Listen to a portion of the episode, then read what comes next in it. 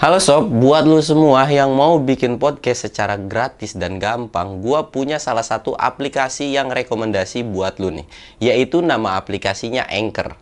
Di aplikasi Anchor ini lu bikin podcast tuh gampang banget. Dan semuanya udah ada di sini. Dan termasuk distribusi ke Spotify dan aplikasi podcast lainnya. Seperti Apple Podcast, Google Podcast, dan lainnya. Jadi jangan tunggu lama-lama lagi, segera download aplikasi Anchor sekarang juga dan selamat mencoba. Assalamualaikum warahmatullahi wabarakatuh. Selamat datang di channel gua Samsul Mister Horror. Udah, udah, udah, udah, udah, udah, udah, udah,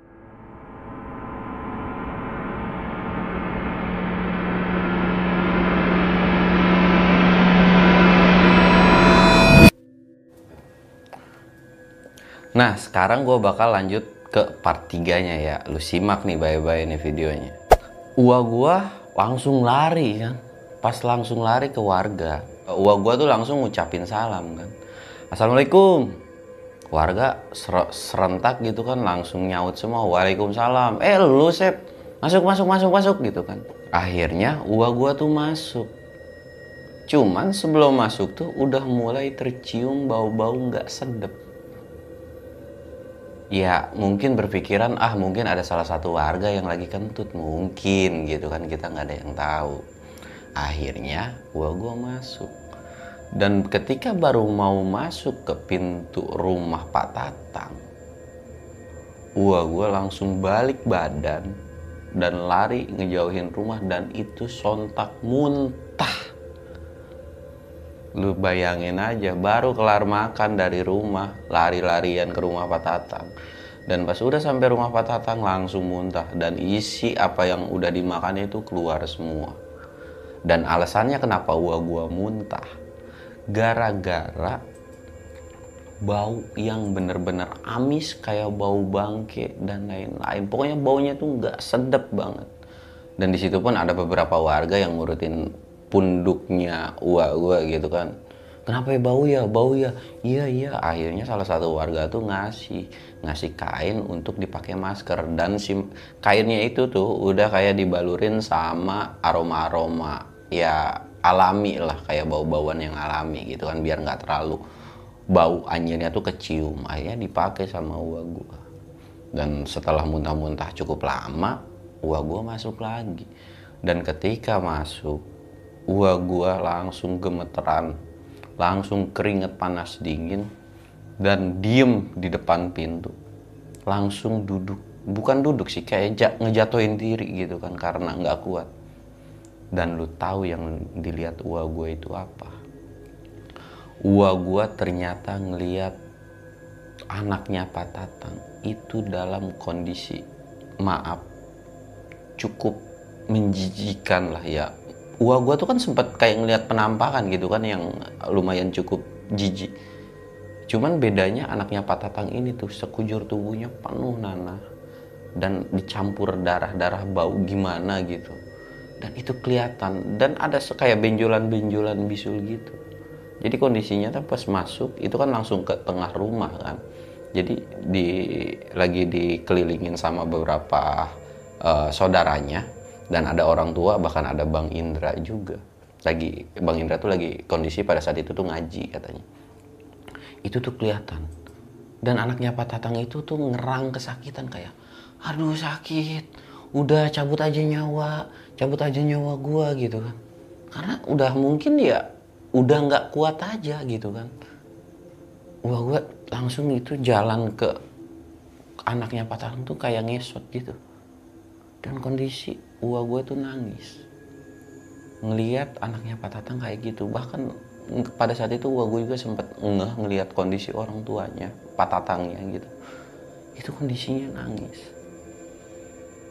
Kondisinya nangis terus kayak ya gimana sih kalau ngeliat keluarga gitu kan? Apalagi dapat musibah kena penyakit yang nggak wajar. Dari situ ya cobalah menguatkan diri gua gua gitu. Walaupun nggak sempet kayak mau ngebuang muka pun nggak bisa karena depan mata banget. Agak melipir lah gua gua di samping Bang Indra ini. Akhirnya karena memang Bang Indra ngeh kalau uang gue udah sampai gitu Bang Indra cuma ngebisikin. Bentar ya nanti kita keluar. Akhirnya di situ Bang Indra bilang e, Pak Tatang saya izin keluar dulu karena ada ya beberapa hal yang harus dibicarakan sama si Asep gitu kan. Akhirnya Bang Indra sama Asep keluar. Karena jujur pada saat itu bukan karena bukan nggak tega atau mau ninggalin Tatang ya. Intinya uh, gua gua tuh kayak pengen ngaji juga sebenarnya. Cuman karena memang Bang Indra yang nyuruh mungkin ada sesuatu hal yang harus dilakuin akhirnya keluar nah di, ketika udah keluar uh, agak sedikit menjauh dari rumahnya Pak Tatang Bang Indra tuh ngomong nih ke si Asep nih ke gua gua gitu kan. Sep gue ada tugas nih sama lu. Apa nih bang? Uh, bang Indra ngejelasin lah. Ternyata kejadian ini tuh bukan cuma sama anak patatang doang. Jadi di kampung atau RT-annya Asep ini atau kampungnya Ua gue ini ada beberapa warga lain juga yang ngalamin kejadian yang sama. Dan sebagian yang udah ngalamin itu itu dikumpulin mungkin kayak aula lah atau tempat perkumpulan salah satu desa gitu kan jadi udah dikumpulin.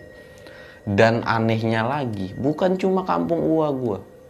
Jadi ada beberapa kampung pun ngalamin kejadian yang sama gitu. Nah sedangkan si Asep ini ditugasin sama Bang Indra buat nyusulin Abah. Dan kondisinya pada saat itu udah mau masuki maghrib. Jadi oh ya udah deh gitu. Karena pada saat itu juga Bang Indra nggak nyuruh harus ditemani siapa siapa gitu kayak nggak disuruh aja gitu kan. E, setelah Bang Indra nyuruh kayak gitu uh, si Asep ini atau Uwa gue ini bilang dong ke Bang Indra terus Bang Indra mau ke mana Bang Indra mau ke desa sebelah dia mau ngecek desa sebelah jadi nanti setiap warga yang kena musibah kayak gini akan dikumpulin ke satu titik kata Bang Indra tuh dan mau ngasih saran ke beberapa warga biar nggak berimbas ke warga lain yang keadaan sehat walafiat. Nah dari situ karena memang Asep udah mulai ngerti, wah gue udah paham gitu dengan situasinya. Mau nggak mau dong, ya Asep harus nyamperin Abah dalam kondisi mungkin udah maghrib. Akhirnya karena udah kayak gitu pun Asep langsung balik kan. Ya udah kalau kayak gitu bang, biar nggak lama gitu kan. Gue mau cabut dulu sekalian pamitan sama nyokap sama emaknya gitu kan balik tuh udah pamitan sama Bang Indra sama beberapa warga dan sama Pak Tatang akhirnya as gua gua tuh pulang dan udah pas pulang lari gitu kan langsung lah. Sebelum uak gua ngejelasin emak tuh udah kayak tahu gitu. Udah nggak apa-apa pergi aja. Akhirnya cuman emak ngasih saran sebelum pergi ada baiknya sholat maghrib dulu. Katanya nanti udah maghrib baru tuh berangkat. Ya udahlah karena emak nyuruh kayak gitu dan memang udah mau mendekati maghrib juga akhirnya uh, wah gua tuh sholat maghrib dulu. Cuman ketika udah selesai ngambil wudhu ada sesuatu hal yang aneh lagi di rumah gua itu. Jadi ketika masuk kamar kan ada satu kamar yaitu yang diisi sama adik gua kan sama uak gua kan. Masuk tuh ke kamar. Dan pas udah masuk ke kamar ada satu yang aneh jadi ada satu adik gua gua itu lagi tidur. Dan itu nggak biasanya jadi kayak ngebangunin tuh dek dek bangun udah maghrib udah wayahnya sholat pamali kalau orang dulu kan masih kental bahkan sampai sekarang juga kan ya memang pamali lah kalau tidur maghrib maghrib kan akhirnya dibangunin cuman nggak bangun nggak nyaut dan lain-lain dan ketika megang jidat adeknya panasnya tinggi banget Wah gue langsung panik dan langsung nyari emak. Ma, ma, ini si Ade kenapa? Ini si Ade kenapa? Emak gue cuma senyum, udah nggak apa-apa. Nenangin, insya Allah juga nanti sembuh. Ini mak lagi mau obatin kok. Akhirnya udah, udah mau ini bentar lagi maghrib kan waktunya sebentar. Udah, lu sholat aja dulu. Akhirnya gua gue sholat dong. Gua gue sholat dan di situ dia jujur dia tuh udah kayak mikir aneh-aneh kebagi sama anaknya Pak Tatang, kebagi sama warga lain dan sekarang lihat adanya panasnya itu nggak normal. Dia doa tuh, doa supaya terutama adanya sembuh dan warga lain sembuh gitu kan. Pas udah kelar doa dan masuk ke kamar adenya, dan itu kelihatan adanya udah mulai membaik gitu kan. Eh kata adanya tuh eh a, a mau ke mana a? Mau ngaji ya? Ya udah hati-hati ya. Yang tadinya agak panik gitu kan ketika adanya udah bisa ngomong lagi wah gue tuh kayak alhamdulillah akhirnya doanya dijabah juga gitu kan. Nggak banyak nggak banyak omong lagi wah gue langsung pamitan ke emak dan mau mutusin buat ke abah lagi gitu. Cuman kata emak hati-hati ya di jalan. Nanti kalau misalkan papasan sama orang ada orang baik nggak apa-apa bareng aja. Belum sempet uak gua jalan keluar baru keluar kamar ada yang ngetok pintu tuh ke rumah. Assalamualaikum. Langsung dong orang rumah semuanya waalaikumsalam gitu kan. Dibuka lah pas dibuka ternyata ada dua orang pemuda yang sa bisa dibilang itu tuh kayak seumuran uang gua gitu kan. Wah ini bener nggak rumahnya Asep ya gitu. Nah si dua orang ini tuh kayak seolah dituduhin harus ke Asep dulu gitu kan. Iya ini bener rumahnya Asep memang kenapa? Oh iya tadi disuruh Bang Indra kata si dua pemuda ini tuh tadi disuruh Bang Indra buat nemuin Asep. Karena Asep mau ke rumah Abah gitu kan jadi mereka berdua tuh harus bareng. Cuman Asep kayak punya pikiran aduh bareng apa enggak ya? Karena Asep tuh jujur pada saat itu Asep mau lari dari rumah ke pengajian tempat pengajian atau ke rumah si Abah ini. Nah cuman kalau misalkan bareng sama si dua orang ini dia tuh takut kayak orang ini tuh nggak mau diajak lari gitu kan malah lama. Sedangkan keadaan kondisi pada saat itu tuh benar-benar lagi genting banget di kampungnya gitu kan. Cuman emak cuman bilang udah nggak apa-apa barengin aja. Ya mau nggak mau kan udah perintah dari emak akhirnya mereka jalan tuh bertiga. Di sepanjang perjalanan ketika mereka udah uh, pergi gitu kan kondisi satu orang bawa obor gitu kan. Bawa obor setelah pergi dari berpamitan sama emak dan mereka mulai jalan nggak ada obrolan apa pun. Bahkan mereka yang berdua mungkin udah saling kenal mereka pun nggak ngobrol jadi jalan aja. Bahkan gua bilang Bang, kita jalannya agak cepetan ya, karena ini kondisinya lagi genting nih. Sorry banget, kita pokoknya harus buru-buru. Yang belakang tuh cuman, oh iya bang, nggak apa-apa, ayo kita mau lari juga lari gitu kan. Jalan terus sampai ya setengah lari lah, jalan setengah lari gitu kan. Jalan-jalan-jalan sampai akhirnya ketemu pertengahan lagi. Mendadak uang gue langsung berhenti. Dan dua orang yang di belakang pun berhenti gitu kan. Nah pas udah berhenti ini, kenapa alasannya uang gue berhenti? Ternyata di depan tuh ada seseorang kayak ngejegat gitu kan. Nah pas udah diperhatiin diperhatiin sosok itu langsung nyeringai langsung ketawa ketawa sekencang-kencangnya dan bilang akhirnya ketemu juga sama lu. Ayo lu ikut sama gua gitu kan sosok itu tuh. Wah gua langsung mendadak keringet dingin lagi dan ingat kejadian ketika dia papasan sama orang yang bertaring dari situ gua gua nggak pikir panjang dan memang karena memang kondisinya lebih mendingin keadaan desanya di akhirnya diajakin lah berantem. Udah lu jangan banyak ngomong gitu kan. Gua di sini lagi nggak ada urusan sama lu. Kita berantem aja dah. Akhirnya gua gua kayak kesel banget marah gitu kayak mau nonjok. Cuman pas ketika mau nonjok kayak refleksi orang yang di depan itu tuh refleksnya lebih bagus gitu kayak ditonjok. Cuman mentalnya tuh jauh sampai ke semak-semak dari situ gua gue langsung nggak bisa bangun nggak bisa ngapa-ngapain lagi. Kayak udah pasrah gini aja. Dan ketika udah kayak gitu gua gue coba bangun lagi.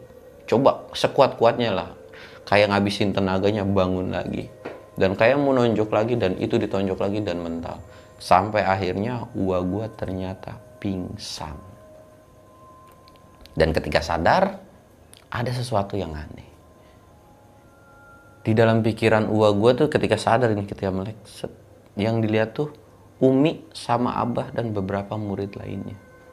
Sedangkan dua sosok pemuda ini nggak ada gitu kan langsung celana telinguk. Abah tuh langsung bilang bah ngeliat dua orang nggak?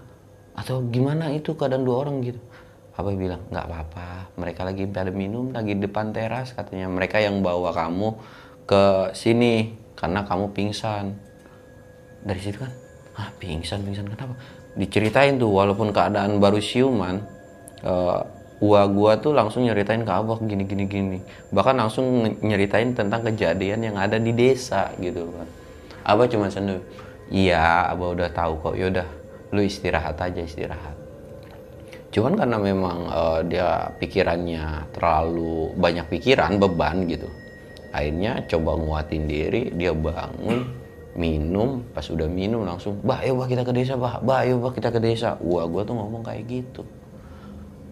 Ya karena memang abah juga tahu kondisinya akhirnya ya udah yuk kita berangkat. Dan semua murid itu semua nggak boleh ada yang keluar. Cuman kali lagi-lagi gua gue ngerasa ada yang aneh. Dari sekian banyak murid ada satu yang hilang selain bang Indra. Jadi ada satu murid yang memang uh, suka ngaji di situ dan suka nginep cuman pada saat itu uh, Wah gue tuh nggak sempet nanya, mungkin dalam keadaan pulang kali gitu kan izin pulang. Ya udahlah gitu kan biarin.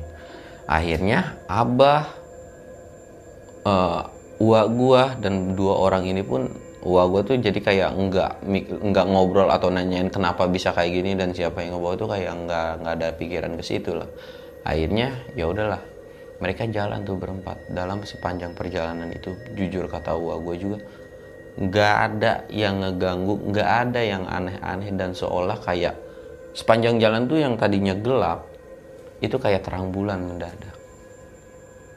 Dan itu keadaannya kondisi kata wah gue bener-bener tenang kayak nggak takut digangguin. Bahkan sempat pas mau jalan tuh wah gue kayak mikir ah takut digangguin atau takut muncul sosok. Cuman pas jalan sama abah itu nggak ada sosok apa-apa nggak ada yang berani ganggu. Ya cuman suara binatang malam lah gitu kan. Akhirnya jalan. Dan anehnya lagi yang harusnya ditempuh dua jam itu berjalannya sekitar setengah jam kata gua gua tuh. Merasa jalannya cepat. Padahal jalannya lama gitu kan. Abah dengan kondisi yang udah tua aja itu jalannya lama. Dan ketika udah sampai uh, gua gue langsung nggak ke rumah nih. Jadi langsung ke rumah warga. Dan pas udah ke rumah warga jadi udah ke titik yang dikumpulin warga pada sakit itu tuh langsung di situ tuh banyak warga yang nangis mungkin keluarganya ya. Jadi banyak yang nangis banyak yang ngaji. Ketika datang abah langsung ucap salam assalamualaikum gitu kan. Akhirnya semua serentak pada ngucapin uh, pada ngebalikin salam abah gitu salam. Pas dilihat kayak berbinar-binar gitu kayak alhamdulillah akhirnya ada abah juga gitu kan ya udah dari situ dan ternyata di situ pun ada bang Indra. Jadi pas ketika abah datang bang Indra langsung nyamperin dan ngomong ke si abah ini atau ke orang tuanya ini gitu. Dijelasin lah bla bla bla bla bla gitu kan.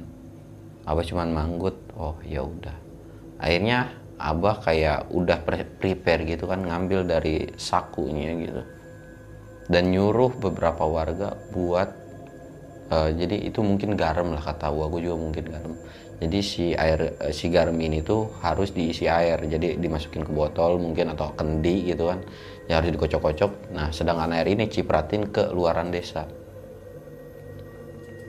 Nah, ketika udah disuruh kayak gitu, akhirnya Abah, Bang Indra, dan kedua pemuda ini nih yang masih misterius nggak tahu siapa dan termasuk Asep juga disuruh Abah buat ngikut ke salah satu tempat gitu kan. Abah tuh nggak sempet ngelihat warga keadaan kondisi warga atau yang kena musibah itu kayak gimana. Cuman Abah kayak udah tahu aja gitu kan. Akhirnya ya udah tuh mereka berlima jalan nggak tahu ke mana tuh Wah gue tuh cuma ngikut-ngikut aja kan jalan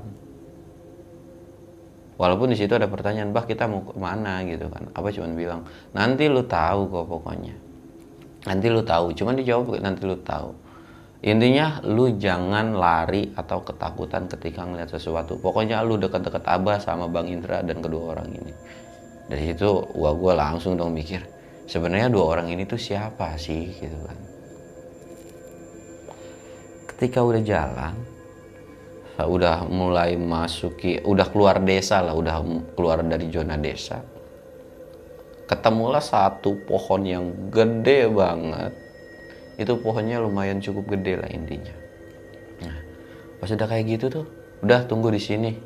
Abah jalan ngedeketin pohon itu. Nggak banyak ngomong lagi. Abah kayak ngelempar batu ngambil batu dilempar ke pohon itu. Pakai ambil baca bismillah bismillahirrohmanirrohim dilempar tuh batu ke pohon itu. Pohon itu ngedadak ngegetar kayak goyang kayak gitu kan pas udah goyang dari belakang pohon itu muncul sosok ya kayak manusia sih. Jadi muncul sosok.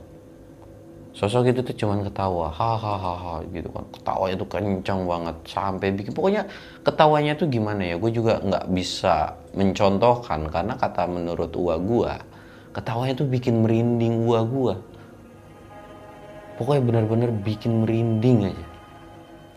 Pas sudah keluar sosok itu lu mau sosok itu tuh cuman bilang lu mau nyerahin satu orang itu atau semua desa bakalan kena imbasnya Abah cuman bilang dong?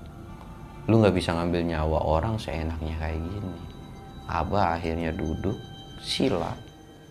Dan uh, minta buat Bang Indra juga uh, kayak zikir lah gitu. Dan kedua orang ini juga disuruh zikir. Dan termasuk gua gue juga disuruh ikutan zikir gitu. Zikir zikir dan suruh wah gua disuruh sama bang Indra tuh Sep lu pokoknya kalau zikir nggak boleh buka mata lu. Jadi ketika udah zikir zikir kayak gitu kan nutup mata karena memang nurut dan khusyuk banget kata uwa gue pokoknya uwa gue tuh nggak tahu kejadian apa yang bakalan terjadi ketika tutup mata. Dan ketika ada udah lama zikir ada yang nepuk bahunya. Ayo bangun. Pas buka mata ternyata masih ada. Ternyata masih ada empat orang gitu kan masih ada Abah Bang Ida cuman sosok yang itunya tuh udah hilang gitu kan. Nah setelah kejadian itu gua kira ya gua yang selalu ngedengerin cerita uwa gua gitu kan gua kira udah kelar ternyata belum. Uwa gua masih harus disuruh berangkat ke salah satu hutan yang pernah Bang Indra kasih tahu. Dan harus malam itu juga lu bayangin jadi udah kayak gitu tuh. Ayo Sep kita berangkat lagi. Kita berangkat ke hutan Bang Indra. Yang kemarin gua kasih tahu Sep ke hutan itu Bang Indra langsung udah bah Bang Indra gue di sini aja dah. Gue agak berani ke sono gitu kan. Udah takut lah. Apalagi gue masih bocah gitu kan masih sedikit ilmu nggak paham dengan gitu. Udah nggak apa-apa buat jadi pengalaman. Ya mau nggak mau karena udah dipaksa sama abah sama bang Indra akhirnya ya mau nggak mau ngikutin tuh mereka berlima jalan tuh mereka jalan terus. Sampai akhirnya mereka sampai ketemu sisian hutan gitu kan. Nggak nggak terlalu jauh lah dari hutan gitu. Sebelum itu kebenaran dekat hutan itu tuh ada kayak saung. Nah si abah ini lu belum sholat isya kan? Yaudah kita sholat isya dulu katanya. Karena di situ ada sumber mata air juga. Lu sholat dulu deh. Yang belum sholat sholat dulu gitu kan. Sholat tuh. Sholat ketika sholat udah sholat pas lagi sholat mau baru mau sholat nih baru mau Allahu Akbar. Kedenger kayak suara petasan. Duar! Kenceng banget. Gua gua yang tadinya mau sholat kayak canggih klik suara apa tuh? Suara apa tuh? Gitu kan cuman apa udah lu sholat yang khusyuk nggak usah denger suara apa-apa gitu kan. Akhirnya ya udah gua gua balik lagi tuh kan sholat sholat Allah Akbar. Walaupun pada saat itu kata gua gua tuh nggak dengar suara-suara aneh. Yang harusnya biasanya terdengar suara binatang-binatang pada saat itu kayak banyak orang ngobrol banyak bahkan katanya kayak ada uh, besi sama besi itu kayak ngadu trang gitu kan. Ya udahlah bodo amat gitu kan. Dan ketika selesai sholat langsung nggak banyak ngomong lagi kan abah. Ya udah yuk kita jalan gitu kan. Jalan tuh mereka berlima. Buset jalan masuk set set set ketika belum masuk jangan lupa baca doa dulu kata abah. Baca bismillah dulu ketika masuk ke sini. Bismillahirrahmanirrahim. Mendadak jalan depan yang tadinya agak tertutup itu kayak ngebuka sendiri. Set gitu kan. Jalan tuh mereka berlima. Di situ abah juga udah uh, nasihatin uang gua udah nasihatin Asep.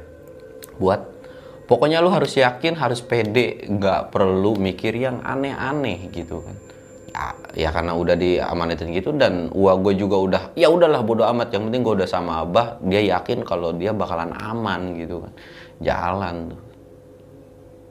Dan pas udah jalan dan pas udah jalan masuk ke dalam hutan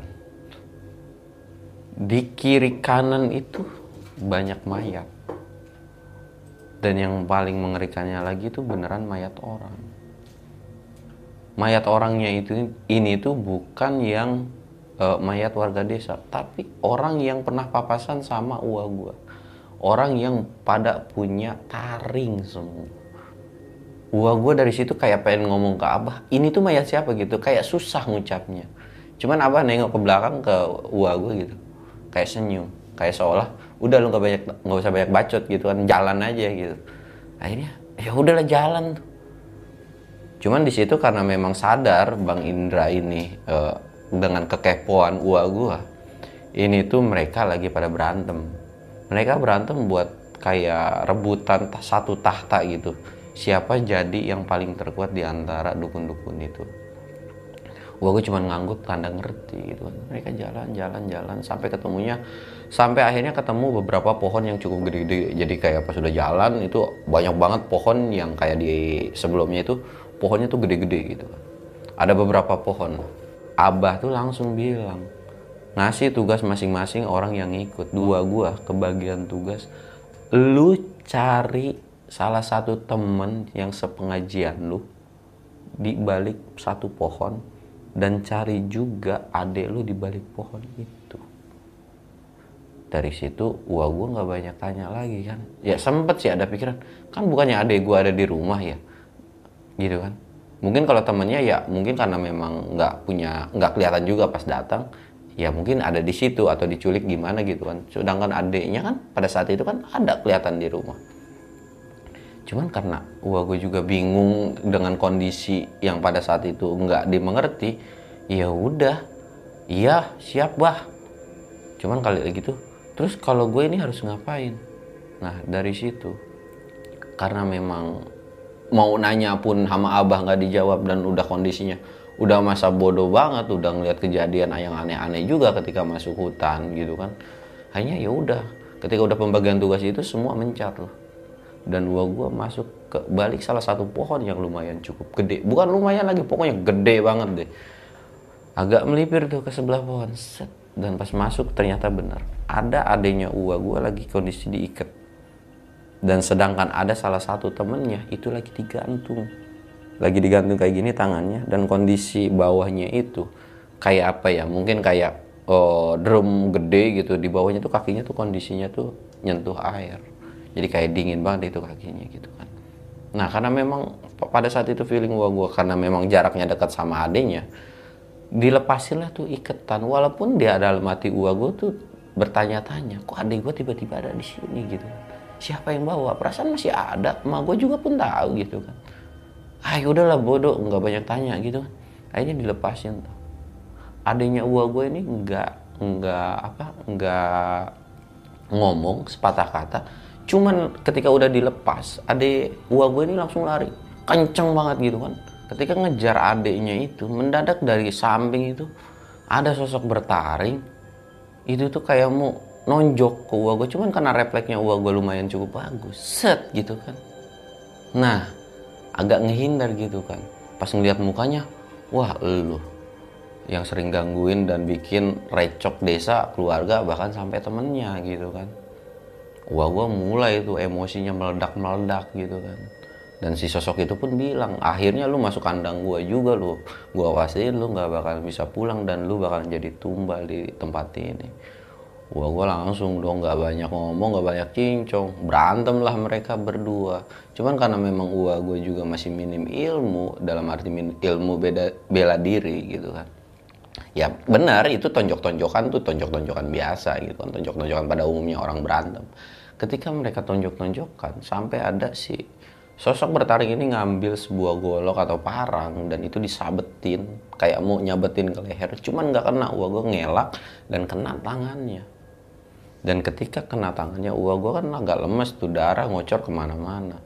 Cuman karena tekadnya kuat buat nyelamatin adiknya dan teman-temannya dan warga desa uang gue coba bangkit. Cuman si sosok bertaring ini tuh udah kayak udah mau siap nih. Udah mau siap ngebacokin yang kedua kalinya.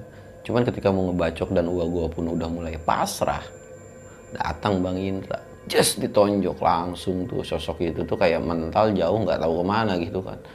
Dari situ lu nggak apa-apa ya Sep. Iya nggak apa-apa nggak apa-apa gitu kan. Nah ketika udah ditanya kayak gitu uh, gua gua tuh kayak yang lemes gitu kan. Yaudah mana adik lu? Adik gue lari bang gini. Udah lu kejar gini gini kan? Akhirnya dikejar tuh adanya cuman yang bingung tuh adiknya nggak ada gitu kan. Bingung mau ke mana. Karena berantem sama si sosok bertaring ini aja udah lama. Dari situ bang Indra nggak bilang udah lu selamatin yang namanya temen lu itu yang satu pengajian. Nah bang Indra mau ke mana? Gue ada urusan lagi katanya. Gue mau ke sana dulu suruh abah kan. Karena gue ngeliat lu keteteran aja katanya. Akhirnya bang Indra cabut. Akhirnya gua gua tuh buat mau nyelamatin si temennya ini. Cuman ketika mau nolongin temennya sepanjang dia mau jalan dan dalam kondisi berdarah-berdarah dalam kondisi berdarah gitu kan gua gua tuh kepikiran adik adiknya itu gitu kan. Duh adik gua lari ke mana ya? Selamat atau enggak? Gua aja yang ketemu papasan bertaring itu kayak gini gimana adik gua kabarnya gitu kan. Ketika mau ngambil si sosok uh, temennya ini kayak mau dilepasin gitu kan. Walaupun agak susah ya jadi kayak harus loncat-loncat. Dan itu tuh gua gua tuh katanya kayak nginjek ya lumayan kayak batang nggak tahu apa lagi. Jadi kayak mau ngelepasin tali. Dan ketika itu temennya tuh bilang Sep sorry ya kalau gua ada salah.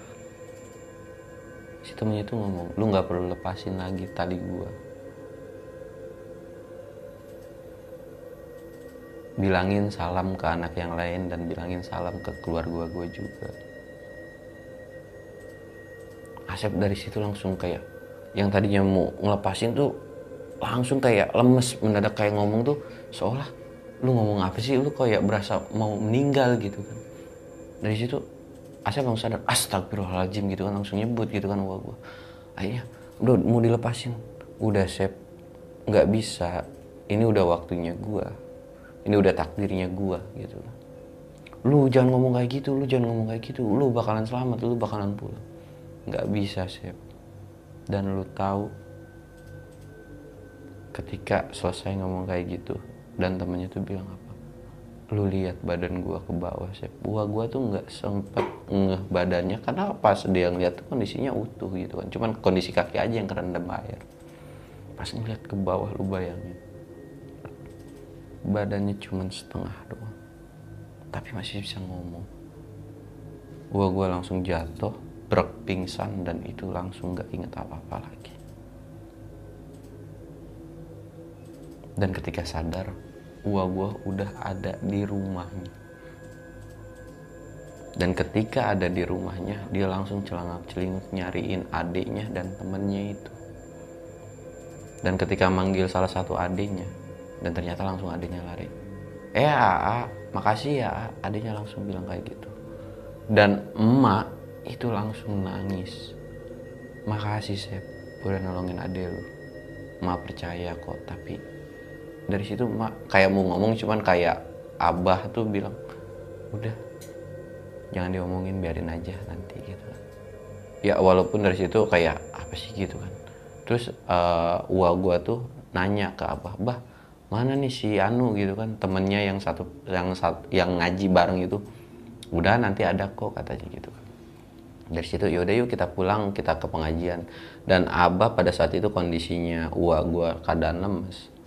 Itu nyuruh buat ke tempat ke rumahnya abah gitu kan ya karena memang pengen tahu juga kepo juga bahkan pada saat itu abah tuh kayak nggak nyuruh ke warga lain nggak nyuruh lihat kondisi warga lain walaupun uang gue tuh sempat bilang bah kita nggak ngecek warga.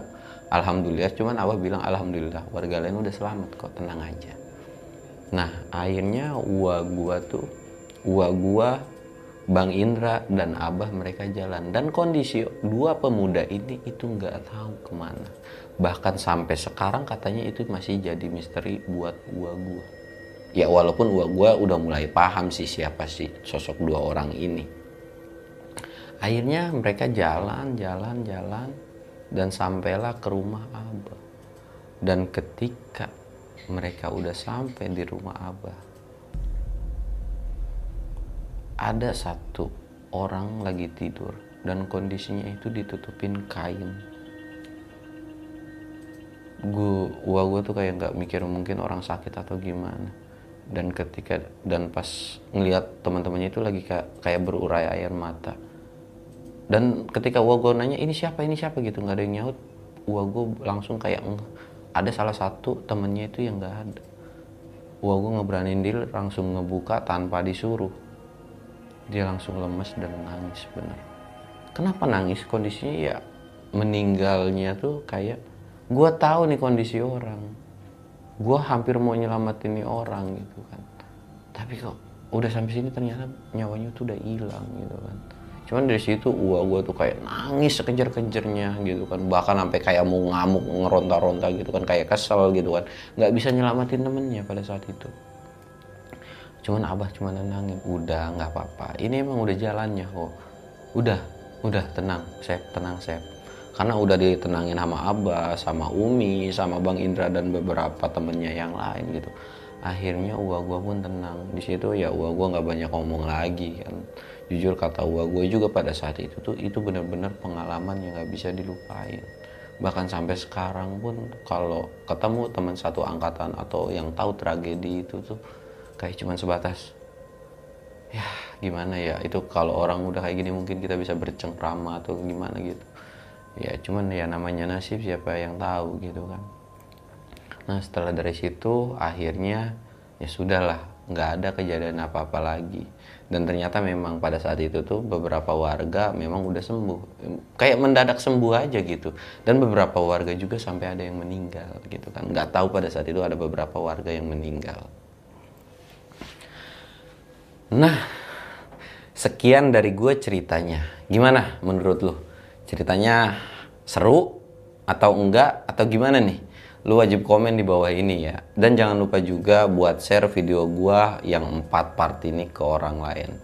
Nah, gua akan ngejelasin sedikit ya. Mungkin ada beberapa yang cerita gua skip. Jadi, menurut kepercayaan di kampung gua, orang-orang yang bertaring itu biasanya orang-orang yang cari ilmu. Jadi, kalau ada tahapan-tahapannya gitu katanya. Nah, cuman kalau orang yang udah bertaring biasanya itu udah hampir sempurna untuk ilmunya sendiri. Dan tahapan terakhirnya tuh mereka harus ngambil tumbal dan nggak semua orang sebenarnya bisa ngeliat si sosok bertaring ini. Justru mereka mereka tuh ngumpet-ngumpet. Cuman siapa pun orang yang kayak apes gitu ketemu papasan itu akan diincar terus nih sama orang ini. Atau sama si dukun ini tuh jadi kayak gitu.